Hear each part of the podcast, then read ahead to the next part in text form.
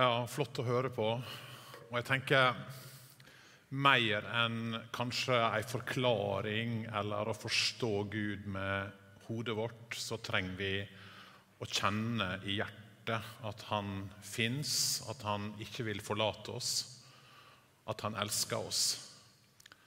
Um, Innvendinger mot den kristne trua, ja, det har vi, og mange har det. Og av og til trenger vi å rydde dem unna veien og hjelpe hverandre til å kunne svare på spørsmål som folk har. Men um, djupest sett så trenger vi det som denne sangen handler om. Å kjenne Gud. Å kjenne at Han vil oss vel, og at Han elsker oss. Men så hvorfor da ta opp innvendinger mot den kristne tru? Jo, eh, fordi vi ikke skal unngå de vanskelige spørsmålene som menighet og som kristne. Og fordi jeg tror vi kan utfordre og hjelpe hverandre. Eh, hvordan vi kan svare venner, kollegaer, familie som har innvendinger mot trua.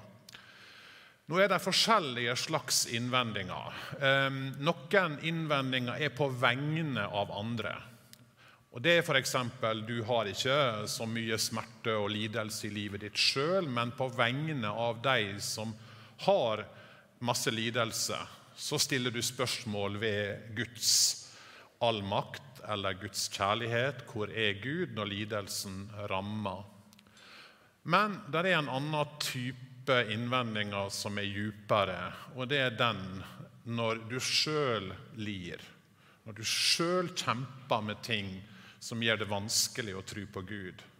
Det er en litt djupere innvending. Og så har du de innvendingene som jeg har møtt noen ganger som prest, at eh, folk vil ikke ha med Gud å gjøre, og så finner en alltids noen innvendinger å komme med for å holde Gud på avstand. Det er litt det jeg opplevde jeg var feltprest. og Satt i et telt en kveld på en øvelse og prata med en mann. og Han hadde masse innvendinger når han skjønte at jeg var feltprest. Så hadde han masse innvendinger mot den kristne trua. Og jeg prøvde å svare. Og når jeg hadde svart på én ting, så kom neste innvending. Og så kom neste innvending, og så kom neste innvending. Og så til slutt så sier jeg er det kanskje sånn at du ikke ønsker å ha med Gud å gjøre? Er det kanskje sånn at du ikke har et ønske om å tro? Og Så var han ærlig og så sa han, ja, det er det. Og Så fikk vi egentlig en ærlig samtale. Det var ikke innvendingene som var problemet, det gikk dypere. Jeg vet ikke hva slags innvendinger du måtte ha mot den kristne tro. Og det er jo opplagt at å snakke om innvendinger mot den kristne tro er kort tale. Det blir veldig overfladisk. Jeg håper du bærer over med meg hvis du føler at jeg kanskje går litt sånn fort over vanskelige spørsmål.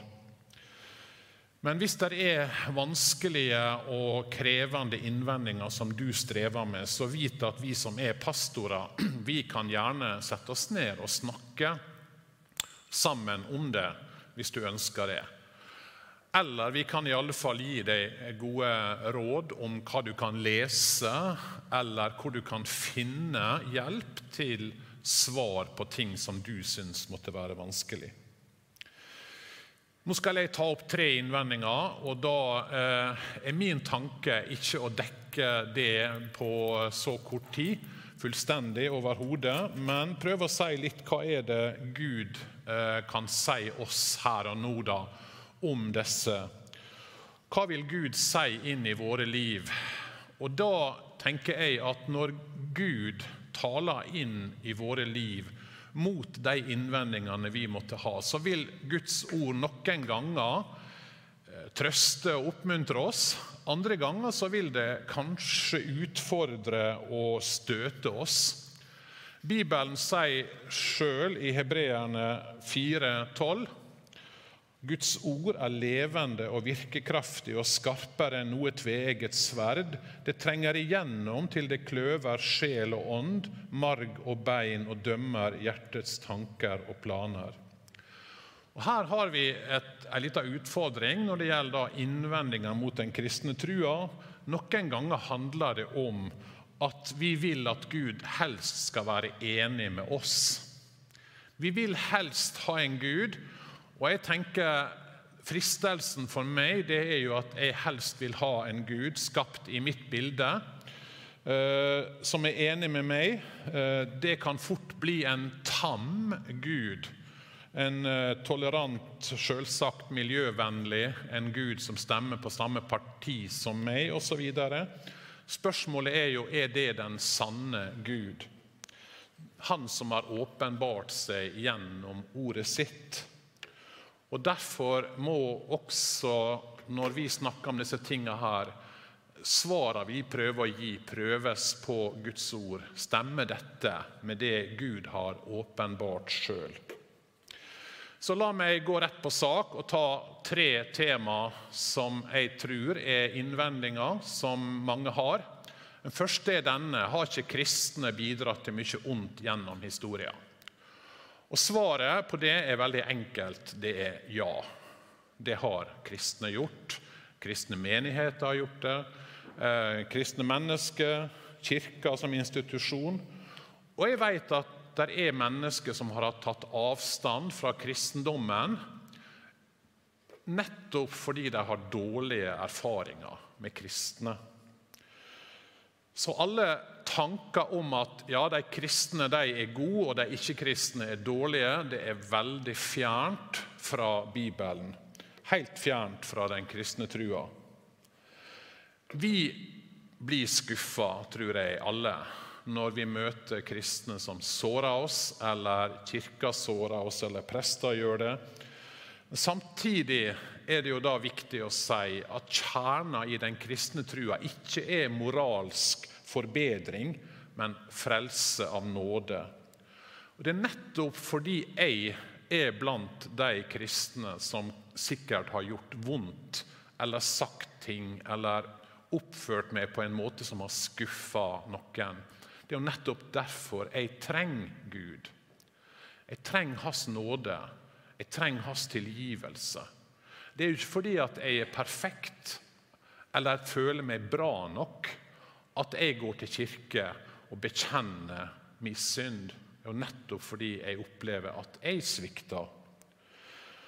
Og så er det en tanke til eh, som jeg har tenkt eh, at er det verdt å ta avstand fra Gud pga. enkelte kristnes feilgrep? Eh, jeg vet at når du blir såra og følelsene er såra, så er det vanskelig å skille mellom de følelsene og det som jeg prøver å si, at kristne de svikter. Men spørsmålet mitt noen ganger når jeg har snakka om dette til noen, så har det vært er det likevel da verd at det de kristne har gjort eller sagt eller ødelagt, skal forhindre deg i et fellesskap med Gud. En Gud som ikke vil svikte deg. En Gud som ikke vil skade deg eller gjøre vondt mot deg. Nettopp en Gud som elsker deg, og som har skapt deg, og som vil deg bare vel. Er ikke det verdt å søke Han, til tross for kirkehistoria, til tross for sviktende og feilende kristne. Som sagt, kunne ha sagt masse om dette temaet, men jeg skal gå over til tema nummer to. Og det er innvending nummer to. Eh, kan vi tro på en kjærlig Gud? Vil Gud oss virkelig vel når det er så mye ondskap og lidelse i verden? Og Denne innvendinga er kanskje den jeg har fått flest ganger i samtaler med mennesker som syns det er vanskelig å tro. Hvordan kan vi tro på en Gud som er kjærlig når det er så mye vondt i verden? Det er en filosof som heter Cyril Jode, som sier det slik Hva er det som har overbevist meg om at den kristne tro ikke er noe for meg? Først og fremst problemet med det onde. Og Kort skissert så kan vi jo si problemet er hvis Gud er kjærlig, hvordan kan han da tillate det vonde? Eller kanskje Gud er allmektig, men ikke kjærlig. Han kan, men han vil ikke. Uansett så blir det på en måte en slags spagat. Hvordan kan vi tro at Gud både er kjærlig og allmektig på samme tid? Hva kan vi svare på denne innvendinga? Jeg hørte i denne veka en tale av en ungdomspastor som tok opp dette temaet. Hvordan kan vi hjelpe barn og unge til å møte livets vanskeligheter? For det kommer de til å møte. Og Der fortalte han om sitt eget liv. Han hadde da altså mista en tre år gammel sønn. Døde helt brått, helt plutselig. Og Han sa veldig mye klokt om smerte. Han sa mye klokt om hva hadde vært, eh, hva hadde vært til hjelp når folk hadde prøvd å møte dem. Hva hadde vært helt håpløst av det folk sa, osv. Han sa mye godt om det å kunne klage til Gud. Men så sa han at for hans del så hadde ikke den erfaringa med dødsfallet til denne treåringen rokka ved hans kristne tru. Ehm, og alternativet, at det ikke fantes en Gud, ja, det hadde vært enda verre, sa han. Og Det er kanskje det første jeg tenker vi kan tenke gjennom. Alternativet at det ikke er en Gud, at det bare er tilfeldigheter. Hvordan kan du forholde deg til lidelse og vondskap hvis det bare er tilfeldigheter? Da er det jo akkurat like si, fornuftig å protestere mot som et, protestere mot et tilfeldig terningkast. Hvis det fins en Gud, så har du en å gå til og klage til. Og Jeg har gjennom livet møtt mennesker som ikke har skjønt og forstått og følt at de har fått noen forklaring på alt som har vært vondt, men de har hvilt i trua på Gud. De har hatt en å gå til. C.S. Lewis, han, eh, denne kjente forfatteren som dere kanskje har hørt meg sitere osv., han var jo ateist. og Han sier at grunnen til at han var ateist, det var jo nettopp dette spørsmålet her. Gud og lidelsen. Gud og det vonde. Men han ble kristen nettopp gjennom å tenke gjennom dette problemet. For Han sa når jeg protesterer og føler at lidelsen og vondskapen er urettferdig. Hvor har jeg den tanken fra at dette er rettferdig eller urettferdig? Og Så fortsatte han på den intellektuelle måten som jo han møter utfordringer på, og ble en kristen nettopp gjennom dette her. Jeg vet at lidelse, vondskap, skaper store problem for mange. Store problem i forhold til Gud, store problem også i forhold til trua. Men kanskje er alternativet at Gud ikke er der, enda verre.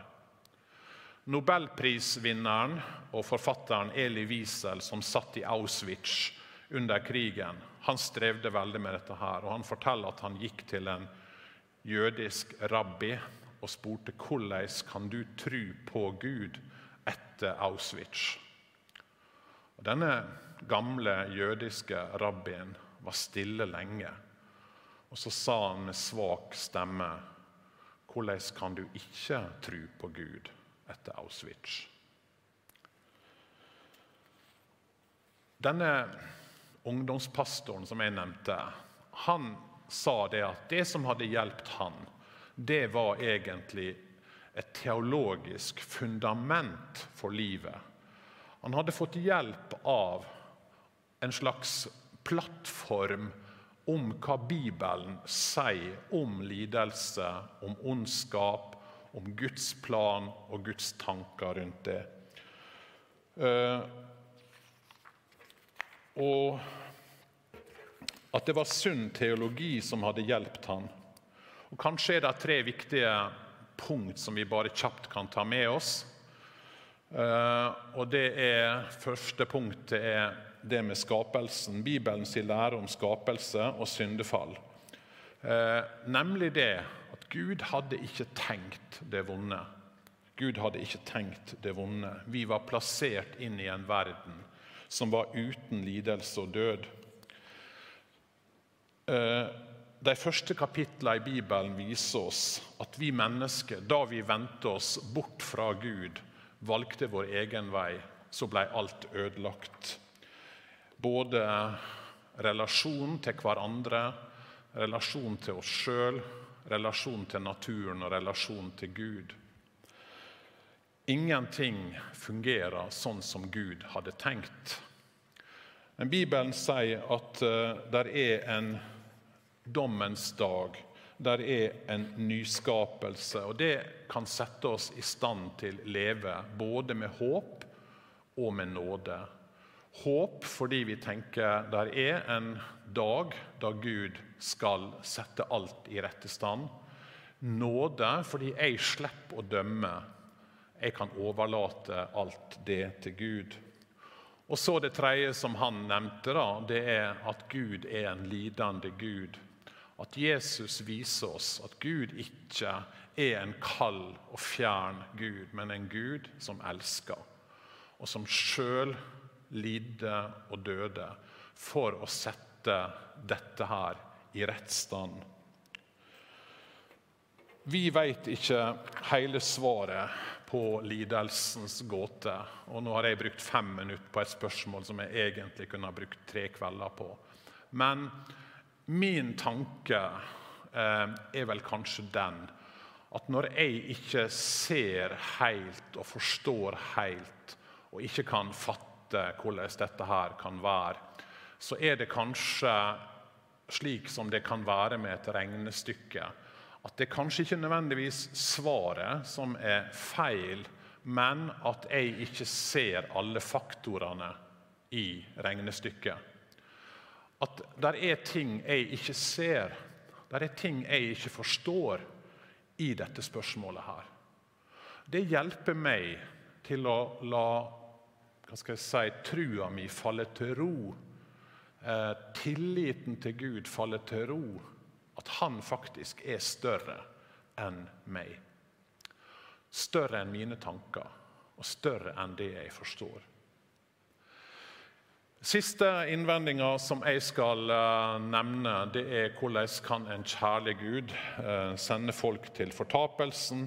En Gud som dømmer, uh, en Gud som ja, som, som, ikke sørger for at alle blir frelst. For Bibelen sier jo at Gud både er kjærlig og rettferdig. Så hvordan kan det henge sammen? Gud kan ikke være en dømmende Gud. Han skal vel tilgi og akseptere alle.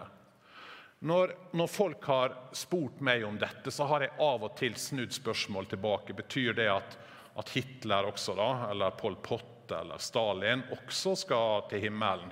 Eh, om de ikke angrer eller noe som helst. De, nei, sier folk. Nei, det går ikke. Det er klart, Der er ei grense der for deg pluss noen til. Og Så blir jo spørsmålet selvfølgelig hvor går denne grensa da? Hvem er det som er bra nok, og hvem er det som ikke er bra nok? Vi ser at det er ikke så enkelt.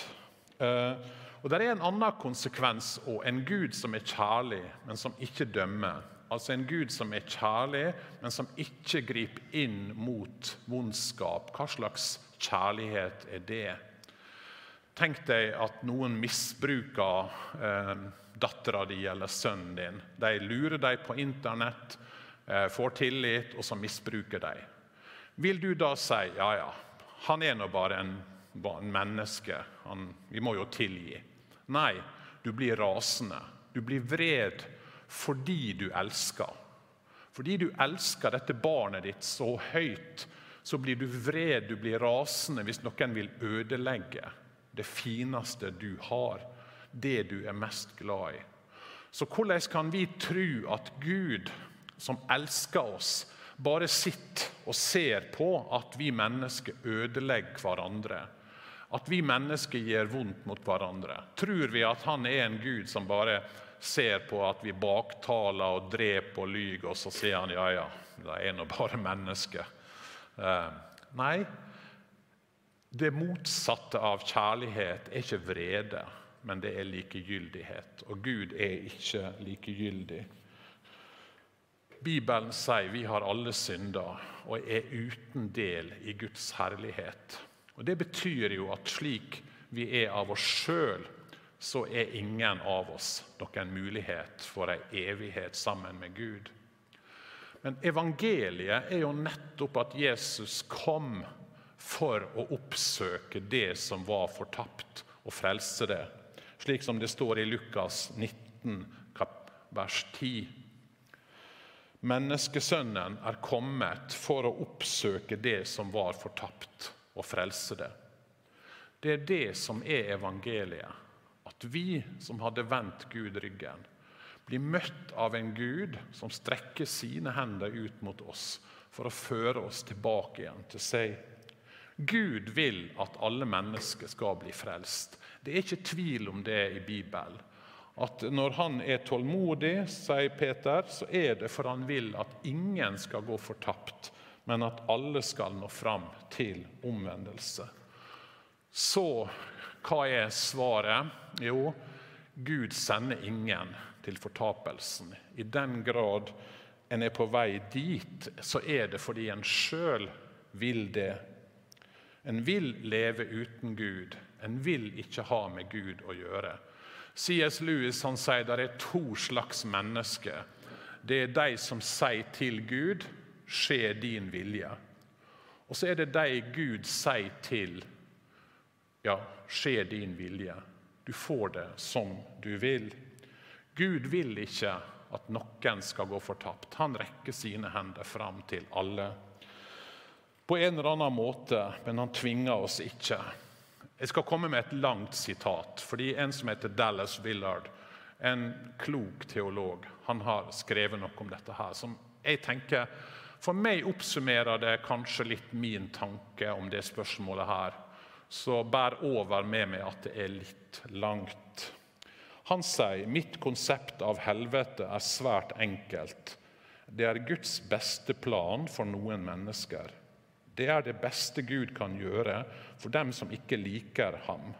Det verste han kunne gjøre, var å tvinge dem til å være sammen med ham. Det betyr at helvete er atskillelse fra Gud. For folk i helvete ønsker å være atskilt fra Gud, og han lar dem få være det. Helvete er ikke noe Gud nyter. Han vil ikke at noen skal gå fortapt, men at alle skal bli frelst. Det er hans ønske. Gud prøver aldri å holde folk ute av himmelen.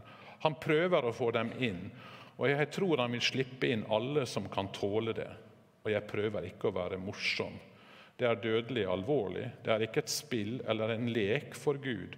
Det å være i himmelen er virkelig svært seriøst. Hvis du kom dit og oppdaget at du ikke liker Gud, vel, de fleste mennesker liker jo ikke Gud, så vil det være et stort problem. For i himmelen må du være rett opp i ansikt på han, konstant i all evighet. Du må være klar for det.